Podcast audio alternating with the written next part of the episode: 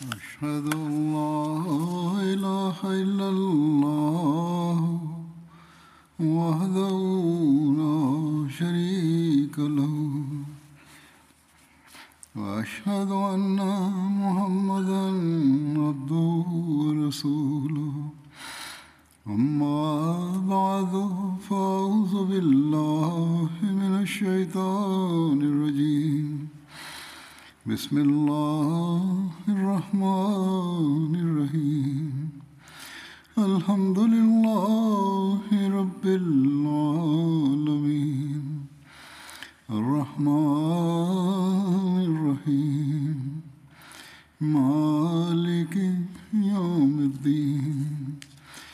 إياك نعبد وإياك نستعين.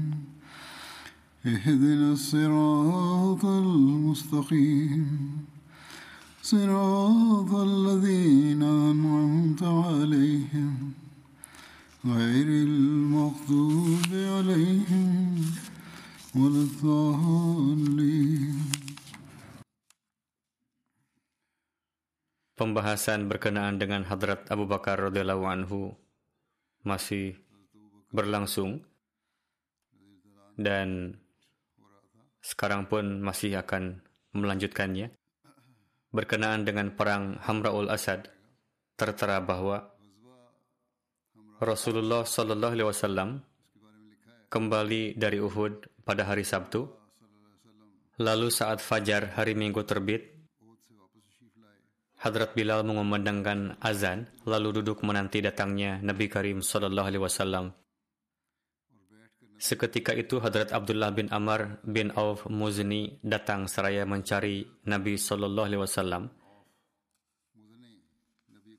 Tatkala Rasulullah tiba, ia berdiri dan mengabarkan kepada Rasulullah bahwa ia baru datang dari tempat keluarganya. Ketika berada di Malal, saat itu orang-orang Quraisy tengah beristirahat di sana. Malal adalah nama satu tempat yang berada sejauh 18 mil dari Madinah ke arah Mekah. Ia mendengar Abu Sufyan berkata kepada segenap temannya, "Kamu sekalian tidak melakukan apa-apa. Kalian telah menimpakan kerugian kepada mereka, yakni telah merugikan kaum muslim dan telah menyakiti mereka, lalu meninggalkan mereka dan tidak menghancurkannya. Di dalamnya masih banyak pemimpin muslim yang tersisa." Di antara orang-orang muslim tersebut masih banyak tersisa pemimpin mereka. Orang-orang kafir itu berkata, yang akan bersatu untuk memerangi Anda sekalian. Maka dari itu, kembalilah supaya kita dapat menghabisi semua yang tersisa dari mereka hingga ke akar-akarnya. Safwan bin Umayyah melarang mereka untuk melakukannya, yakni saat itu ia tengah duduk di tengah-tengah kaum kafir dan melarang mereka dengan berkata, Wahai kaumku, janganlah melakukannya karena mereka itu telah berperang. Dan saya khawatir kelompok mereka yang tidak ikut dalam peperangan pun akan bersatu dengan mereka untuk melawan kalian. Maka pulanglah karena kalian telah meraih kemenangan dan saya takut jika kalian kembali, kalian akan mengalami kekalahan. Atas keadaan ini Rasulullah memanggil Hadrat Abu Bakar dan Hadrat Umar dan memberitahu apa yang telah disampaikan sahabat dari Muzni ini. Keduanya berkata, "Wahai Rasulullah sallallahu alaihi wasallam, bergeraklah menuju musuh supaya mereka tidak menyerang anak-anak kita." Ketika Rasulullah selesai salat subuh, beliau memanggil segenap orang dan bersabda kepada Hadrat Bilal, "Umumkanlah bahwa Rasulullah memerintahkan Anda semua menghadapi musuh dan yang akan berangkat adalah mereka yang ikut di pertempuran sebelumnya yakni perang Uhud.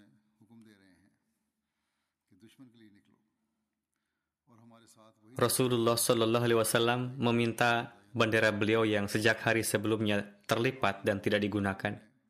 Rasulullah menyerahkan bendera itu kepada Hadrat Ali. Tertera juga bahwa beliau menyerahkannya kepada Hadrat Abu Bakar radhiyallahu anhu. Alhasil, tatkala kafilah ini tiba di Hamraul Asad sejauh 8 mil dari Madinah, kaum musyrik merasakan ketakutan dan mengabaikan keinginan untuk kembali ke Madinah, lalu berangkat pulang menuju Mekkah. Pertempuran dengan Banu Nazir Ini terjadi pada tahun 4 Hijriah. Rasulullah bersama sejumlah kecil sahabat berkunjung ke Banu Nazir. Ada berbagai macam riwayat tentang mengapa Rasulullah berkunjung ke sana. Menurut satu riwayat, Rasulullah pergi untuk meminta diat atau tebusan atas terbunuhnya dua orang dari Banu Amir. Saat itu ada sepuluh sahabat bersama Rasulullah yang di antaranya yaitu Hadrat Abu Bakar, Hadrat Umar, dan juga Hadrat Ali. Setiba di sana, Rasulullah menyebut tentang jumlahnya kepada mereka, maka orang-orang Yahudi itu berkata, Wahai Abul Qasim, makanlah Anda terlebih dahulu, lalu sampaikanlah keperluan Anda. Saat itu Rasulullah tengah duduk bersandar di satu dinding, lalu orang-orang Yahudi itu membuat suatu rencana jahat, di antara mereka ada yang berkata, kamu tidak akan menemui kesempatan yang lebih baik lagi untuk membunuh orang ini, yakni Rasulullah. Maka siapakah yang mau naik ke atas bangunan ini dan menjatuhkan batu besar ke atasnya supaya kita pun terbebas darinya? Atas hal ini, seorang pemimpin Yahudi, Amar bin Jahash, mendukungnya dan berkata, saya siap untuk tugas ini. Namun seketika itu juga Salam bin Mushkim, seorang Yahudi lain, menentang keinginan tersebut dan berkata, Jangan sekali-kali melakukan ini. Demi Tuhan, apa pun yang kalian perbincangkan, ia pasti akan mengetahuinya. Ini adalah merusak perjanjian, karena ada perjanjian antara kita dan mereka. Lalu ketika orang itu tiba di atas, yakni hendak menjatuhkan batu ke atas Rasulullah, maka dari langit dikabarkan kepada Rasulullah tentang rencana buruk itu. Allah Ta'ala telah mengingatkan Rasulullah tentang apa yang akan dilakukan oleh orang Yahudi. Beliau segera beranjak dari tempat itu dan meninggalkan para sahabat beliau seolah ada suatu tugas yang ingin beliau laksanakan. Beliau dengan segera kembali ke Madinah. Setiba di Madinah, beliau mengirim Hadrat Muhammad bin Maslamah ke Banu Nazir dan memberi pesan kepada mereka agar keluar dari kota beliau yakni keluar dari Madinah.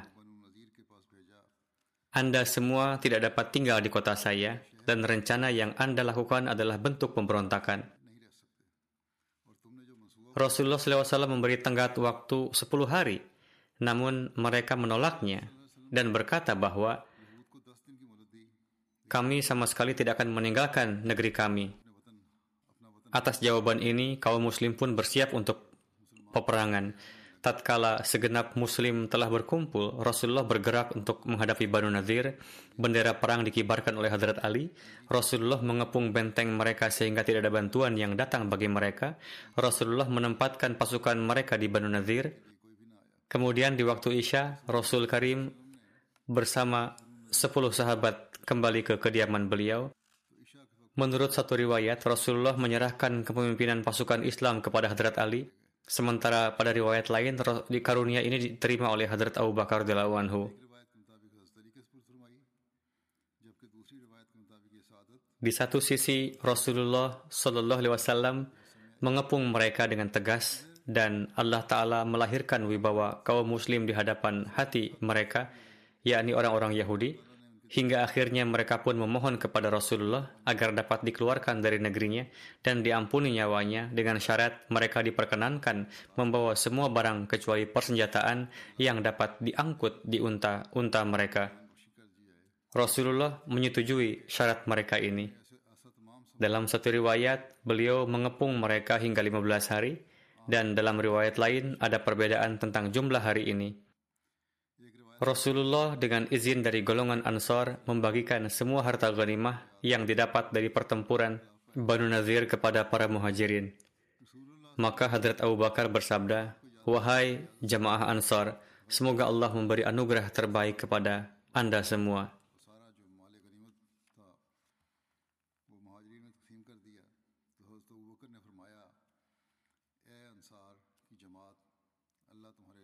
Perang Badrul Mu'id ini terjadi di tahun 4 Hijriah. Sebab perang ini adalah ketika Abu Sufyan bin Harb kembali dari perang Uhud, Ia dengan suara tinggi berkata, kita akan bertemu pada tahun selanjutnya di tempat Badrus Safra. Di sana kita akan bertempur. Rasulullah bersabda kepada Hadrat Umar Faruk, Katakan, ya insya Allah, kepadanya. Dengan demikian, kedua pasukan saling berpisah. Pasukan Quraisy pulang dan menyampaikan perjanjian ini kepada kaum mereka. Badar adalah sebuah sumur terkenal yang ada di antara Mekah dan Madinah dan berada di antara lembah Safra dan tempat bernama Jar. Badar terletak sejauh 150 km ke arah barat daya Madinah. Pada zaman jahiliyah, setiap tahunnya pada tanggal 1 Zulqa'dah, terdapat perayaan besar hingga 8 hari lamanya. Singkat kata, saat waktu yang dijanjikan itu semakin dekat, Abu Sufyan tidak ingin bergerak menuju Rasulullah. Dirinya mulai diliputi ketakutan ia tidak ingin bertemu beliau di waktu yang telah ditentukan itu. Sebelumnya, Abu Sufyan mengungkapkan bahwa ia tengah bersiap menggerakkan suatu pasukan besar untuk menyerang beliau, supaya kabar ini pun sampai ke Madinah, bahwa ia tengah mengumpulkan satu pasukan besar. Ia pun telah menyebarkan ini hingga ke pelosok Arab supaya timbul ketakutan pada kaum muslim. Menurut satu riwayat, Hadrat Abu Bakar dan Hadrat Umar pun datang ke hadapan Rasul Karim. Mereka menyampaikan, Wahai Rasulullah, Allah Ta'ala pasti akan memenangkan agamanya dan akan memberi kemuliaan kepada nabinya Sallallahu Alaihi Wasallam. Kita telah berjanji dengan suku kita Quraisy dan kita tidak ingin menolaknya karena mereka yakni kaum kufar akan menganggapnya pengecut. Maka kiranya Anda pun berangkat sesuai dengan perjanjian itu. Demi Tuhan, pasti ada kebaikan di dalamnya. Mendengar gejolak ini, Rasulullah sangat gembira. Tatkala Rasulullah mendengar kabar ini,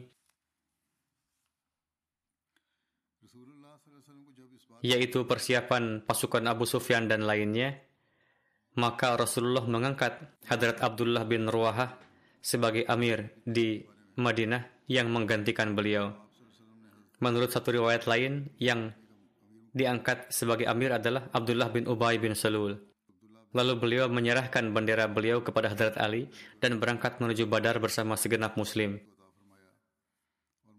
Ada 1.500 muslim yang menyertai beliau. Orang-orang muslim mendapat banyak faedah dari jual beli dan perdagangan di perayaan yang berlangsung di Badar. Setelah bermukim 8 hari lamanya, mereka kembali ke Madinah Orang-orang Muslim pun menjalankan perdagangan di perayaan itu, dan jika pertempuran terjadi, mereka pun siap. Namun, jika tidak terjadi, sekurang-kurangnya mereka telah pergi ke sana dan mendapat banyak faidah darinya. Kemudian tertera terkait tantangan Abu Sufyan di Perang Uhud bahwa ia akan kembali bertemu dengan segenap Muslim di tahun selanjutnya. Terdapat pembahasan rinci tentang ini yang disampaikan oleh Hadrat Mirza Bashir Ahmad Sahib radhiyallahu anhu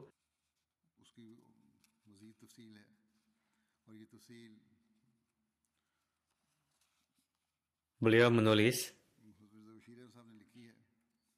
setelah pertempuran Uhud, saat kembali dari medan perang, Abu Sufyan memberi tantangan kepada kaum muslim bahwa di tahun selanjutnya akan terjadi pertempuran antara ia dengan kaum muslim di Badar dan hadrat Rasulullah pun menerima tantangan itu.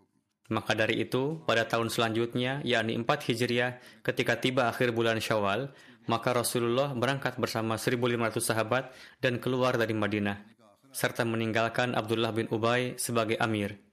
Sementara itu, Abu Sufyan bin Harb berangkat dari Mekah bersama 2.000 laskar Quraisy. Namun meski dengan kemenangan yang mereka raih di Uhud dan besarnya jumlah laskar mereka, di dalam hatinya muncul ketakutan ia berkeinginan bahwa untuk kehancuran Islam, ia tidak akan menghadapi kaum muslim selama belum terkumpul jumlah pasukan yang sangat banyak. Alhasil, saat itu ia masih berada di Mekah dan ia mengirimkan seorang bernama Nuaim yang tidak terkait dengan kabilah mana pun menuju ke Madinah dan menekankan kepadanya agar dengan cara apa pun menakut-nakuti dan mencela orang-orang muslim serta menebarkan kebohongan agar mereka tidak bergerak bertempur. Kemudian orang tersebut datang ke Madinah, lalu menimbulkan kegelisahan di Madinah dengan bercerita bohong dengan mengatakan bahwa pasukan Quraisy telah sedemikian siap tangguh dan bersemangat untuk bertempur. Mendengar itu beberapa orang yang bertabiat lemah menjadi ciut untuk ikut serta dalam pertempuran. Namun ketika Rasulullah memerintahkan untuk berangkat, beliau bersabda dalam pidatonya bahwa kita telah menerima tantangan kaum kufar dan berjanji untuk berangkat saat ini. Untuk itu, kita tidak bisa melanggarnya. Sekalipun saya harus pergi sendiri, saya akan pergi dan menghadapi musuh sendirian. Mendengar pidato Rasulullah tersebut, rasa ciut orang-orang seketika hilang dan bersedia untuk berangkat bersama dengan Rasulullah dengan semangat dan tulus ikhlas. Alhasil, Hadrat Rasulullah berangkat dari Madinah bersama dengan 1.500 sahabat, sementara Abu Sufyan berangkat dari Mekah bersama dengan 2.000 laskarnya. Namun bagaimana kuasa Tuhan, yakni pasukan muslim, akhirnya tiba di Badar sesuai dengan janjinya.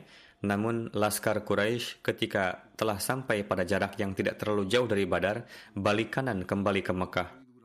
Kisahnya sebagai berikut, ketika Abu Sufyan mendapatkan kabar akan kegagalan Naim, Lalu timbul rasa ciut di dalam hatinya, lalu membawa pulang kembali laskarnya dengan beralasan bahwa tahun ini terjadi kekeringan yang parah, sehingga orang-orang ditimpa kesulitan. Untuk itu bertempur saat ini tidaklah baik. Ketika keadaan sudah normal lagi, maka kita akan menyerang ke Madinah dengan persiapan yang lebih baik lagi. Namun Laskar Islam tetap bertahan hingga delapan hari di Badar dan sebagaimana pada awal bulan Zulqa'dah biasa diadakan acara besar yang telah disebutkan sebelumnya, sehingga banyak di antara para sahabat yang memanfaatkan acara tersebut untuk berdagang dan mendapatkan banyak keuntungan. Sehingga dalam waktu delapan hari itu, mereka berhasil melipat gandakan modalnya menjadi dua kali lipat. Setelah acara selesai dan laskar Quraisy tidak kunjung datang, kemudian Hadrat Rasulullah Shallallahu Alaihi Wasallam kembali dari Badar menuju Madinah. Sedangkan Quraisy setibanya di Makkah mulai melakukan persiapan untuk menyerang Madinah Perang tersebut disebut dengan Ghazwah Badrul Mu'id. Perang Banu Mustalik yang terjadi pada bulan Syaban 5 Hijriah. Berkenaan dengan perang tersebut diriwayatkan bahwa nama lain dari perang Banu Mustalik adalah perang Muraisi juga. Banu Mustalik merupakan ranting Khaza'ah. Kabilah tersebut menetap di dekat suatu sumur yang bernama Muraisi Jarak tempuhnya satu hari dari Furu. Adapun Furu berjarak sekitar 96 mil dari Madinah. Allama Ibnu Ishaq berpendapat bahwa Perang Banu Mustalik terjadi pada 6 Hijriah, sedangkan menurut Musa bin Uqbah terjadi pada tahun 4 Hijriah. Adapun Waqdi berpendapat terjadi pada bulan Syaban tahun 5 Hijriah. Hadrat Mirza Bashir Ahmad sahib menuliskan perang tersebut terjadi pada tahun 5 Hijriah. Ketika hal tersebut sampai kepada Rasulullah bahwa Banu Mustalik berencana untuk menyerang umat Islam, maka pada bulan Syaban 5 Hijriah Rasulullah melakukan agresi bersama dengan 700 sahabat. Hadrat Rasulullah menyerahkan bendera muhajirin kepada Hadrat Abu Bakar radhiallahu anhu. Menurut riwayat lain, beliau menyerahkan bendera muhajirin kepada Hadrat Ammar bin Yasir, sedangkan bendera Ansar kepada Hadrat Sa'ad bin Ubadah. Peristiwa Ifk Berkenaan dengan ini selengkapnya sebagai berikut. Sepulang dari perang Banu Mustalik, Hadrat Aisyah binti Abu Bakar menjadi sasaran fitnah orang-orang munafik. Dalam sejarah, peristiwa tersebut dikenal dengan peristiwa Ifk dalam Sahih Bukhari terdapat riwayat dari Hadrat Aisyah. Meskipun kisah ini telah dijelaskan sebelum ini dalam tema salah seorang sahabat, namun perlu juga untuk disampaikan lagi di sini dalam kaitannya dengan Hadrat Abu Bakar radhiyallahu anhu. Biasanya Rasulullah Shallallahu Alaihi Wasallam apabila hendak keluar untuk melakukan suatu perjalanan, maka beliau mengundi di antara para istri beliau. Riwayat ini diriwayatkan oleh Hadrat Aisyah radhiyallahu anha.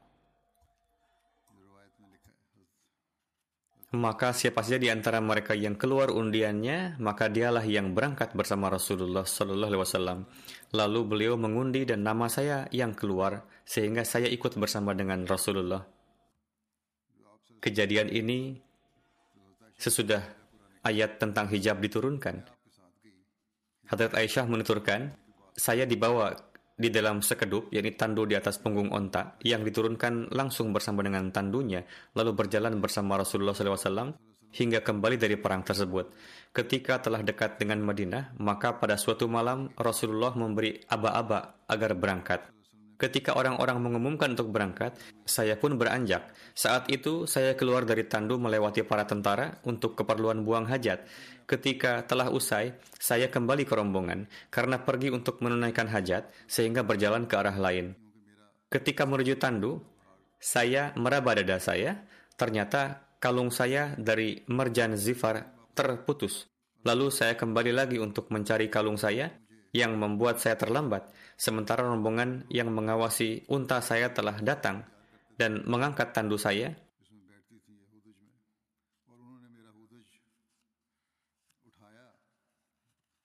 Lalu meletakkannya di atas unta yang biasa saya gunakan untuk safar.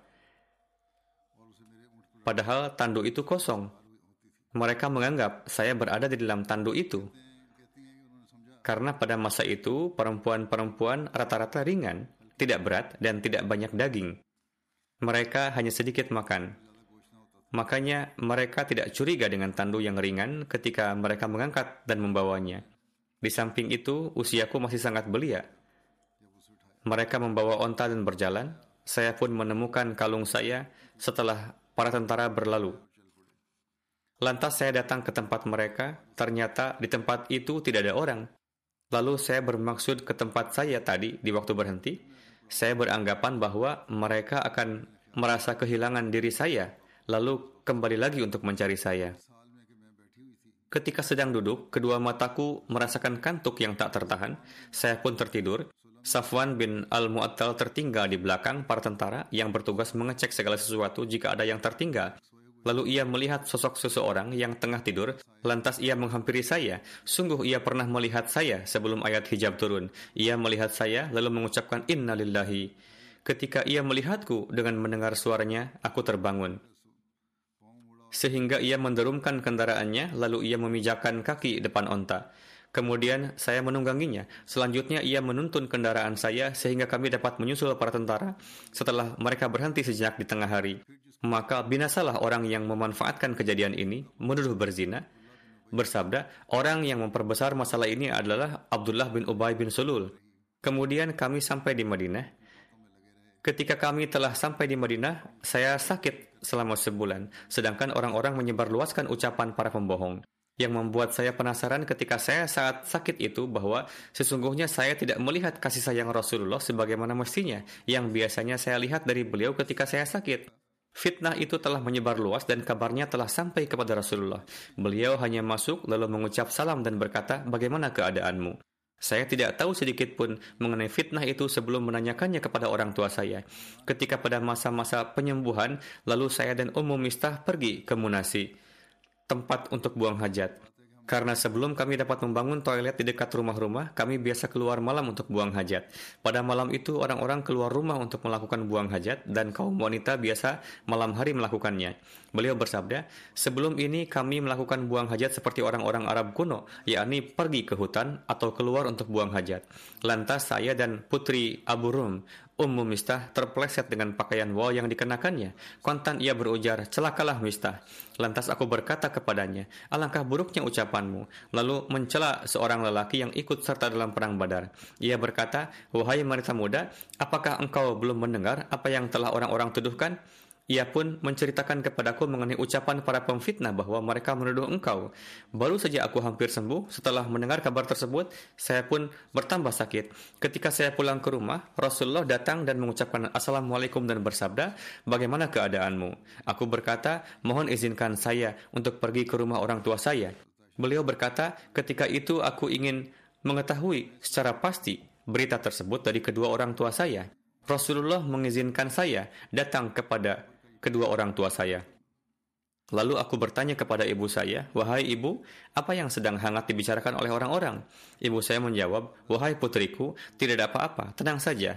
Demi Allah, jarang sekali seseorang perempuan cantik yang dicintai oleh suaminya, sementara ia mempunyai banyak madu, melainkan para madu tersebut sering menyebut-nyebut aibnya.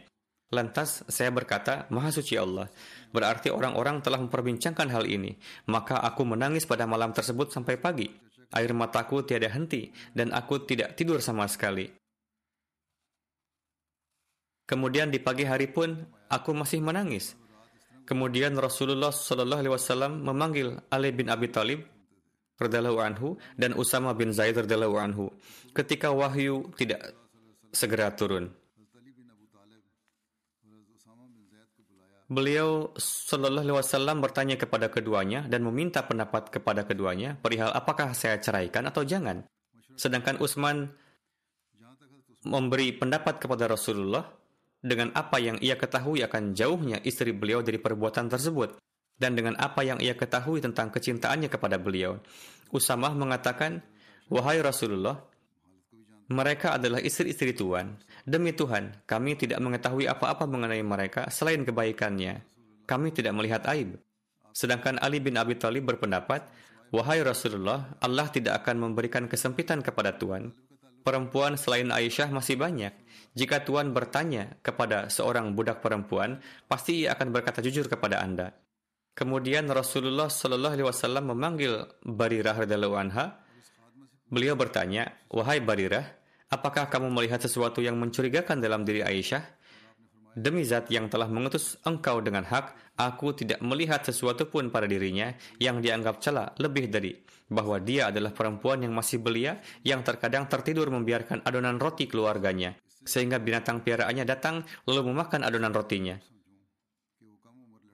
Pelayan itu memberikan contoh bahwa tidak ada keburukan dalam hadrat Aisyah, hanya keteladoran, yakni suka ketiduran.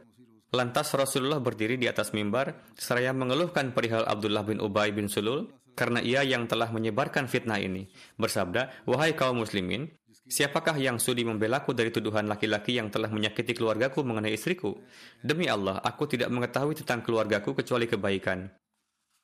Dan mereka juga menuduh seorang laki-laki yang sepanjang pengetahuanku adalah orang baik-baik. Ia tidaklah datang menemui keluargaku kecuali bersamaku. Selanjutnya Hadrat Sa'ad bin Mu'az berkata, saya akan membelamu wahai Rasulullah. Jika ia dari kabilah Aus, maka akan kami tebas batang lehernya. Jika ia dari kalangan saudara-saudara kami, kalangan Khajraj, maka apa yang engkau perintahkan kepada kami, pastilah kami melaksanakan perintah Tuhan. Kemudian Sa'ad bin Ubadah radhiyallahu anhu berdiri. Ia adalah pemimpin kabilah Khajraj. Ia adalah lelaki yang salih, tetapi ia tersulut emosi. Lalu ia berkata kepada Sa'ad bin Muaz, kamu bohong. Demi Allah, kamu tidak akan membunuhnya dan tidak akan mampu membunuhnya. Lalu Usaid bin Hudair berdiri. Ia berkata kepada Sa'ad bin Ubadah, Kamu keliru. Demi Allah, sungguh kami akan membunuhnya. Kamu ini munafik dan berdebat untuk membela orang-orang munafik. Lantas terjadi keributan antara kedua kabilah, yakni Aus dan Khajraj, sehingga hampir saja mereka saling berperang, padahal Rasulullah Shallallahu Alaihi Wasallam masih di atas mimbar. Kemudian Rasulullah SAW menenangkan mereka sampai mereka diam dan Rasulullah juga terdiam. Hadrat Aisyah menuturkan, pada hari itu aku menangis, air mataku terus menetes tiada henti. Beliau telah mendapatkan kabar akan apa yang terjadi. Hadrat Aisyah menuturkan, apa pun yang tengah terjadi, terus terjadi, namun saya menangis sepanjang hari. Air mataku terus menetes tiada henti dan aku tidak tidur sama sekali. Kedua orang tua saya datang menemui saya. Dua malam satu hari saya menangis hingga saya beranggapan bahwa tangisan ini dapat membelah jantungku. Ketika kedua orang tua saya sedang duduk di samping saya, dan saya tengah menangis, tiba-tiba seorang perempuan dari kalangan Ansar meminta izin kepada saya, lalu saya pun memberi izin kepadanya sehingga ia duduk seraya menangis di samping saya.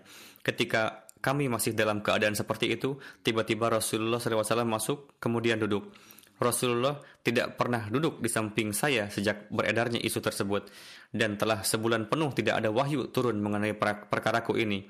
Lantas Rasulullah meminta kesaksian pada saat beliau duduk seraya berkata, Amma ba'du, Wahai Aisyah, sungguh telah sampai kepadaku isu demikian dan demikian mengenai dirimu. Jika engkau memang bersih dari tuduhan tersebut, pastilah Allah Ta'ala akan membebaskanmu.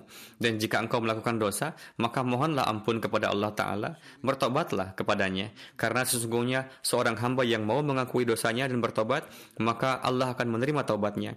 Tatkala Rasulullah telah selesai menyampaikan sabdanya ini, maka derai air mataku mulai menyusut, sehingga aku tidak merasakan satu tetes pun.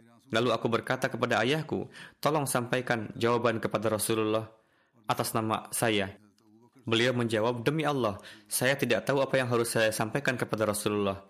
Selanjutnya saya berkata kepada ibu saya, tolong sampaikan jawaban kepada Rasulullah atas nama saya. Ibu saya menjawab, demi Allah, saya juga tidak tahu apa yang harus saya sampaikan kepada Rasulullah. Lalu saya berkata, aku adalah seorang perempuan yang masih belia, tidak mengetahui banyak mengenai Al-Quran. Demi Allah, saya tahu bahwa Anda semua telah mendengar berita ini sehingga Anda simpan di dalam hati dan membenarkannya. Makanya jika saya katakan kepada Anda bahwa saya bersih dari tuduhan tersebut, Allah Maha mengetahui bahwa saya bersih dari tuduhan tersebut. Namun Anda tidak akan mempercayai saya. Dan jika saya mengakui sesuatu yang Allah Ta'ala mengetahui bahwa saya terbebas darinya, maka Anda akan mempercayai saya bahwa saya benar. Demi Allah, saya tidak menjumpai pada diri saya dan diri Anda suatu perumpamaan selain sebagaimana yang dikatakan oleh ayah Nabi Yusuf alaihissalam kepada saudara-saudara Hadrat Yusuf.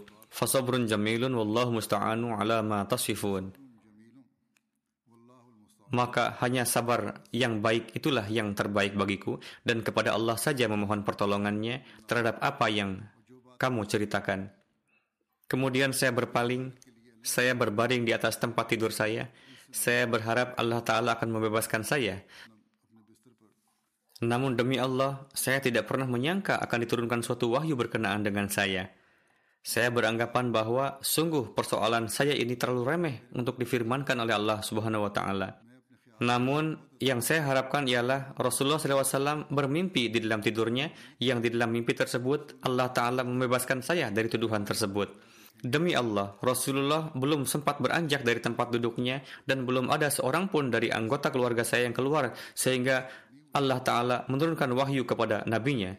Rasulullah merasa berat ketika menerima wahyu sampai-sampai beliau bercucuran keringat bagaikan mutiara padahal ketika itu sedang musim penghujan. Hal ini lantaran beratnya wahyu yang diturunkan kepada beliau.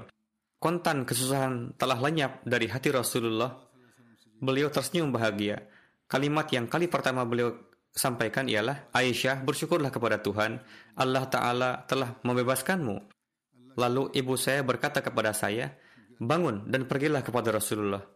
Saya berkata, demi Allah, saya tidak akan pergi kepada Rasulullah dan saya tidak akan memuji kecuali hanya kepada Allah Ta'ala. Dialah yang menurunkan wahyu. Innalladzina ja'u bil ifki usbatum minkum. Innalladzina ja'u bil ifki usbatum minkum. Artinya, orang-orang yang melontarkan fitnah adalah sekelompok dari antara kalian. Ketika Allah Ta'ala telah menurunkan ayat ini yang menjelaskan tentang kebebasan saya, maka Abu Bakar radhiyallahu adalah orang yang memberikan nafkah kepada Mistah bin Usasah radhiyallahu anha karena masih ada hubungan kerabat dan karena ia orang fakir Hadrat Abu Bakar berkata, Demi Allah, aku tidak akan memberi nafkah kepadanya lagi untuk selamanya, setelah apa yang ia katakan kepada Aisyah. Kemudian Allah Ta'ala menurunkan ayat berikut, وَلَا يَأْتَلِ ulul fadli minkum وَالسَّعَةِ أَيُّؤْتُ أُولِي الْقُرْبَى وَالْمَسَاكِينَ وَالْمُهَاجِرِينَ فِي سَبِيلِ اللَّهِ وَلْيَعْفُوا وَلْيَصْفَحُوا أَلَا تُحِبُّونَ أَن يَغْفِرَ اللَّهُ لَكُمْ Wallahu ghafur rahim. Wallahu ghafur rahim. Dan janganlah orang-orang yang mempunyai kelebihan dan kelapangan di antara kamu bersumpah bahwa mereka tidak akan memberi bantuan kepada kaum kerabatnya, orang-orang yang miskin dan orang-orang yang berhijrah pada jalan Allah, dan hendaklah mereka memaafkan dan berlapang dada. Apakah kamu tidak ingin bahwa Allah mengampunimu? Dan Allah adalah maha pengampun lagi maha penyayang. Hadrat Abu Bakar bersabda, Baiklah, demi Allah, sungguh saya suka bila Allah Ta'ala mengampuni saya. Kemudian beliau kembali memberi nafkah kepada Mistah yang memang sejak dahulu ia selalu memberinya nafkah. Hadrat Rasulullah SAW bertanya kepada Zainab binti Jahash radhiallahu anha, yakni istri Rasulullah, berkenaan dengan persoalan saya. Hadrat Aisyah menuturkan, Hadrat Rasulullah biasa menanyakan mengenai saya kepada Hadrat Zainab. Rasulullah bersabda kepada Hadrat Zainab, Wahai Zainab, apa yang kamu ketahui atau apa yang kamu lihat mengenai Hadrat Aisyah? Ia menjawab, Wahai Rasulullah, aku menjaga pendengaran dan penglihatanku. Demi Allah, yang aku tahu dia hanyalah baik.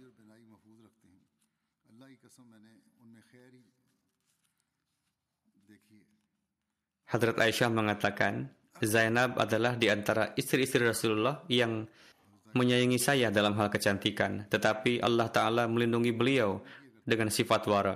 Ini adalah riwayat yang panjang dalam Sahih Bukhari. Hadrat Aktas Masih Maud Islam bersabda, Allah Ta'ala memasukkan hal berikut ke dalam akhlaknya bahwa dengan taubat, istighfar, dan sedekah, dia akan menangkal nubuatan yang bersifat peringatan.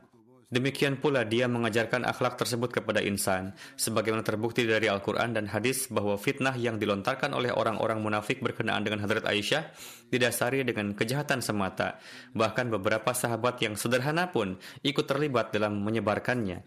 Di antaranya ada seorang sahabat yang biasa memakan roti dua kali sehari di rumah Hadrat Abu Bakar, disebabkan karena keterlibatan sang sahabat dalam kesalahan tersebut sehingga Hadrat Abu Bakar bersumpah dan berjanji dalam corak peringatan dengan mengatakan sebagai hukuman atas ulah buruknya saya tidak akan pernah memberikan roti lagi kepada sahabat tersebut. Atas hal itu turunlah ayat yang berbunyi wal ya'fu wal yasfahu ala tuhibbuna ay yaghfirallahu lakum wallahu ghafurur rahim. Kemudian Hadrat Abu Bakar menggugurkan janjinya dan mulai memberikan roti lagi seperti biasa.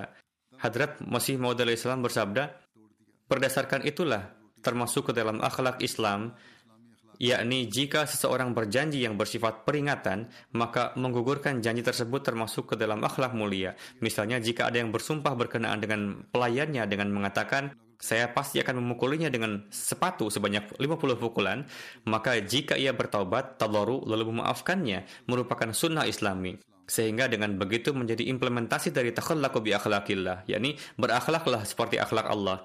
Namun melanggar janji tidaklah jaiz. Melanggar janji akan dihukum, namun tidak halnya dengan melanggar wa'id, yakni janji yang bersifat peringatan.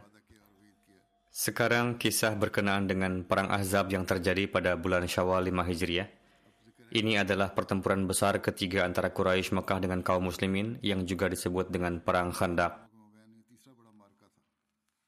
Perang ini terjadi pada bulan Syawal 5 Hijriah dikarenakan orang-orang Quraisy, orang-orang Yahudi Khaybar dan banyak golongan-golongan lainnya berkomplot lalu menyerang Madinah. Oleh karena itu nama Ahzab yang disebutkan dalam Al-Qur'an juga dikaitkan dengan pertempuran ini, yakni perang Ahzab. Ketika Rasulullah mengusir kabilah Banu Nadir, maka mereka pindah ke Khaybar. Beberapa orang terpandang dan terhormat mereka berangkat ke Mekah mereka mengumpulkan orang-orang Quraisy dan menghasut mereka untuk melawan Rasulullah. Mereka melakukan perjanjian dengan orang-orang Quraisy dan semuanya sepakat untuk berperang melawan Rasulullah dan mereka menjanjikan satu waktu untuk itu. Setelah mendatangi orang-orang Quraisy, orang-orang Banu Nadir tersebut pergi ke kabilah Ghatfan dan Sulaim dan melakukan perjanjian semacam ini juga dengan mereka. Kemudian mereka beranjak pergi dari kabilah-kabilah tersebut. Orang-orang Quraisy telah siap. Mereka mengumpulkan berbagai kabilah dan orang-orang Arab yang merupakan sekutu mereka. Maka terkumpullah 4.000 pasukan. Abu Sufyan bin Harb menjadi pemimpin mereka. Di perjalanan orang-orang dari kabilah lainnya pun bergabung dengan laskar ini. Dengan demikian total jumlah laskar ini menjadi 10.000 orang. Kabar mengenai keberangkatan mereka dari Mekah ini sampai kepada Rasulullah. Maka beliau SAW memanggil para sahabat Rasulullah menyampaikan kabar mengenai musuh kepada para sahabat dan meminta masukan mereka mengenai hal ini. Atas hal itu, Hadrat Salman Al-Farisi memberikan usulan untuk membuat parit yang mana usulan ini disukai oleh kaum muslimin. Di zaman Rasulullah, sisi utara kota Madinah terbuka. Sedangkan ketiga sisi lainnya merupakan perumahan dan kebun kurma yang tidak bisa dilewati oleh musuh. Oleh karena itu, diambil keputusan untuk mempertahankan kota dengan menggali parit pada sisi yang terbuka. Rasulullah bersama 3.000 orang Islam mulai menggali parit. Hadrat Rasulullah bekerja menggali parit bersama orang-orang Islam lainnya supaya semangat orang-orang Islam meningkat. Total dalam waktu enam hari parit itu telah digali. Panjang parit ini sejauh 6.000 yard atau sekitar 3,5 mil. Hadrat Abu Bakar Anhu selalu menyertai Rasulullah pada saat penggalian parit. Hadrat Abu Bakar meng mengangkut tanah dengan pakaian beliau dan beliau juga bekerja sama dengan para sahabat lainnya untuk menggali parit supaya pekerjaan penggalian parit ini bisa selesai secepatnya dalam waktu yang telah ditentukan. Tidak ada satupun orang Islam yang tertinggal dalam penggalian parit ini. Ketika Hadrat Abu Bakar dan Hadrat Umar tidak mendapatkan keranjang, maka mereka dengan segera memindahkan tanah dengan menggunakan pakaian mereka. Dan keduanya tidak pernah terpisah satu sama lain dalam suatu pekerjaan maupun perjalanan apa pun. Rasulullah begitu bekerja keras dalam penggalian parit. Terkadang Rasulullah menggunakan cangkul, terkadang mengumpulkan tanah dengan sekop, dan terkadang mengangkut tanah dengan keranjang. Suatu hari Rasulullah merasa sangat kelelahan, maka beliau duduk. Kemudian Rasulullah bersandar pada batu di sisi kiri beliau, lalu tertidur. Maka Hadrat Abu Bakar dan Hadrat Umar berdiri di samping beliau dan mencegah orang-orang lewat di dekat beliau supaya jangan sampai mereka membuat beliau terbangun. Ketika Quraisy dan 10.000 laskar pendukungnya mengepung kaum muslimin Madinah, maka pada masa pengepungan itu Hadrat Abu Bakar memimpin satu bagian laskar kaum muslimin. Di kemudian hari, pada tempat di mana Hadrat Abu Bakar memimpin tersebut didirikan sebuah masjid yang dinamakan Masjid Siddiq. Riwayat ini masih akan berlanjut pada kesempatan yang akan datang. Sekarang saya ingin menyampaikan riwayat beberapa almarhum. Di antaranya yang pertama adalah yang terhormat Mubarikah Bigum Sahibah yang adalah istri dari Mukhtar Ahmad Gundal Sahib. Beliau wafat pada 11 Januari di usia 93 tahun. Inna lillahi wa inna ilaihi raji'un. Beliau adalah menantu dari Chaudhry Ghulam Muhammad Gundal Sahib. Beliau sangat gemar melakukan pengkhidmatan jemaat. Beliau menjabat sebagai sadar lajnah di kampung beliau Cak 99 Shumali. Beliau seorang wanita yang disiplin dalam puasa dan salat, menyantuni orang miskin dan mukhlis. Sepanjang hidupnya, beliau mendapatkan taufik untuk mengajarkan Al-Quran kepada anak-anak dan orang dewasa. Almarhumah adalah seorang musiah. Beliau meninggalkan lima putra dan tiga putri. Iftikhar Ahmad Gundal Sahib Mubalik Jemaat Sierra Leone adalah putra beliau dan beliau adalah nenek dari Mubalik Jemaat Fawad Ahmad Sahib. Selain itu, dalam keluarga beliau, cucu-cucu beliau masih banyak lagi yang menjadi mubalik dan wakafin zindagi. Semoga Allah telah memberikan magfirah dan rahmat kepada almarhumah dan mengabulkan doa-doa beliau bagi anak keturunan beliau. Jenazah kedua adalah Mir Abdul Wahid sahib wafat pada malam antara 12 hingga 13 Januari. Inna lillahi wa inna ilaihi raji'un. Beliau berusia 58 tahun. Ahmadiyah masuk dalam keluarga beliau melalui kakek buyut beliau, Mir Ahmad Din Sahib yang menerima Ahmadiyah pada tahun 11 di masa Hadrat Khalifatul Masih yang pertama. Beliau satu-satunya Ahmadi di keluarganya. Demikian juga dari pihak ibu. Ahmadiyah masuk melalui kakek beliau, Hadrat Syekh Allah Baksh Sahib dari Bannu. Kakek dari pihak ayah Abdul Wahid Sahib bernama Abdul Karim Sahib. Beliau gemar sangat gemar bertablik. Oleh karena itu, kakek beliau tersebut di Peshawar dikenal dengan nama Maulwi Abdul Karim. Beliau banyak melakukan kajian pribadi di perpustakaan yang beliau buat. Pada tahun 74, ketika delegasi jemaat di bawah kepemimpinan Hadrat Khalifatul Masih yang ketiga rahimahullah tampil di parlemen, mereka memerlukan beberapa buku langka yang di, kemudian didapatkan dari perpustakaan beliau. Hal ini diceritakan oleh saudari ipar beliau. Pada 9 September tahun 2020, diajukan gugatan terhadap keluarga Mir Abdul Wahid di bawah pasal 20295C atas tuduhan penistaan kenabian. Para ulama dan masyarakat umum mengepung rumah beliau, namun polisi dengan suatu cara mengeluarkan beliau beserta keluarga dari sana dan mengantarkan mereka ke Rawalpindi.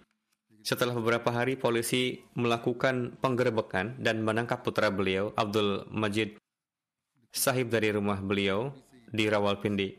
Allah Ta'ala menganugerahkan kepada Mir Abdul Wahid Sahib dua putra dan satu putri. Salah seorang putra beliau yang baru saja disebutkan, Abdul Majid Sahib, hingga sekarang masih di penjara di Jalan Allah Ta'ala. Ketika ayahanda beliau wafat, beliau tidak bisa dihadir. Semoga Allah Ta'ala memberikan magfirah kepada almarhum dan memberikan kesabaran dan ketabahan kepada keluarga yang ditinggalkan. Dan putra beliau yang sedang ditahan, yang berusia sekitar 20 tahun, semoga Allah Ta'ala segera memberikan sarana kebebasan bagi beliau. Jenazah yang ketiga yang terhormat Sayyid Waqar Ahmad Sahib yang tinggal di Amerika. Pada 17 Januari beliau wafat di usia 58 tahun disebabkan serangan jantung. Innalillahi wa inna ilaihi raji'un. Istri beliau adalah cicit dari Hadrat Mirza Bashir Ahmad Sahib dan cicit dari Hadrat Mirza Sharif Ahmad Sahib. Dari sisi ini, beliau termasuk keluarga besar Hadrat Masih Maud salam.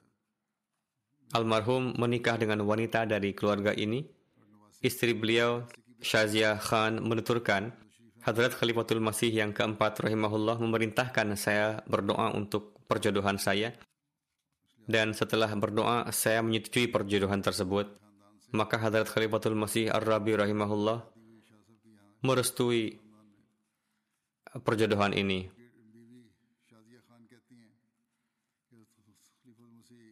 Yakni beliau rahimahullah melangsungkan perjodohan ini. Beliau menuturkan, selama 33 tahun pernikahan, Wakar Sahib telah membimbing saya. Beliau memperhatikan segala keperluan dan keinginan saya.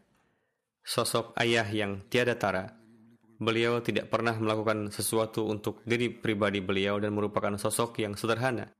Beliau tidak memiliki keinginan pribadi dan jikapun ada, maka beliau mengorbankannya untuk keluarga. Beliau menuturkan, hari terindah bagi saya adalah ketika beliau mengatakan kepada seseorang dengan bangga bahwa saya biasa pergi ke masjid dan mengulangi janji saya, dan bagi saya tidak ada sesuatu yang lebih penting daripada memenuhi janji saya. Saya bisa mengorbankan segala sesuatu untuk janji ini. Dan ini bukan sekedar kata-kata belaka, bahkan saya menyaksikannya. Saya mengetahui bahwa ketika ujian berat menimpa beliau, maka beliau memperhatikan janji ini. Janji yang telah dan selalu beliau tunaikan ini, beliau telah memenuhinya, dan beliau tidak mempedulikan suatu hubungan lainnya. Beliau tidak pernah melangkah keluar dari ketaatan kepada khilafat hal yang beliau tidak fahami sekalipun, beliau tetap menaatinya dan mengatakan bahwa tugas kita adalah taat. Beliau seseorang yang senantiasa bersyukur dan selalu menasihatkan ini kepada saya setiap waktu. Beliau tidak pernah lalai dalam pengorbanan harta. Putra beliau yang tercinta, Sayyid Adil Ahmad yang saat ini menjadi mubalik, beliau menyelesaikan syahid di Jami'ah Ahmadiyah Kanada Beliau menuturkan bahwa dengan karunia Allah Ta'ala, ayahanda saya adalah seorang yang sederhana dan mukhlis. Beliau tidak pernah merisaukan dirinya sendiri dan selalu memperhatikan kebutuhan-kebutuhan putra-putra beliau dan ibunda. Beliau tidak pernah membeli sesuatu yang bagus untuk diri beliau. Bahkan beberapa kali harus diingatkan untuk membelanjakan bagi keperluan diri beliau sendiri. Beliau sangat menghormati para mubalik dan nizam jemaat mertua beliau Mahmud Ahmad Khan Sahib yang merupakan cucu dari Hadrat Mirza Bashir Ahmad Sahib dan cucu dari Hadrat Nawab Mubarikah Begum Sahibah menulis bahwa Wakar, yakni menantu beliau adalah sosok yang sangat berakhlak baik dan menghormati tamu. Beliau menuturkan, saya tidak pernah melihat kening beliau mengerut. Apa pun yang diinginkan tamu dan berapapun banyaknya tamu yang datang dan apa pun yang terjadi, beliau tidak pernah risau. Kemudian menuturkan, saya ingat beliau sering menegur putranya, Adil atas kecerobohannya di masa kecil. Namun ketika Adil mewakafkan diri, maka kemudian sikap wakar terhadapnya sama sekali berubah dan anak ini menjadi yang paling dekat di antara yang lainnya dan ia sangat menghormatinya. Munir Ahmad Sahib Sabik Amir Jemaat Abu Dhabi menulis, Ketika Wakar Sahib bekerja di Abu Dhabi, terjalin hubungan dengan keluarga beliau. Beliau seorang profesional, beliau bekerja di bank. Kesederhanaan dan kerendahan hati menjadi sifat khas beliau. Beliau memiliki jalinan yang kuat dengan jemaat dan nizam. Beliau memiliki semangat kecintaan dan ketaatan yang tinggi terhadap khilafat. Beliau menuturkan, hingga beliau pindah ke Amerika, beliau dengan senang hati mempersilahkan tempat tinggalnya untuk keperluan-keperluan jemaat, seperti salat Jumat dan pertemuan-pertemuan lainnya. Beliau juga mendapatkan taufik berkhidmat sebagai internal auditor jemaat. Demikian juga Sayyid Hashim Akbar menulis, saya bekerja bersama beliau dan selalu mendapati beliau sebagai sosok yang rendah hati dan memiliki semangat pengkhidmatan yang tinggi terhadap makhluk.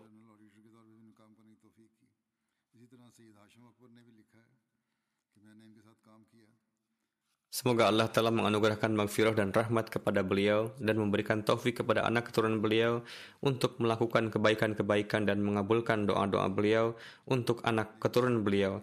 Saya akan menyalatkan jenazah para almarhum setelah salat nanti, insya Allah.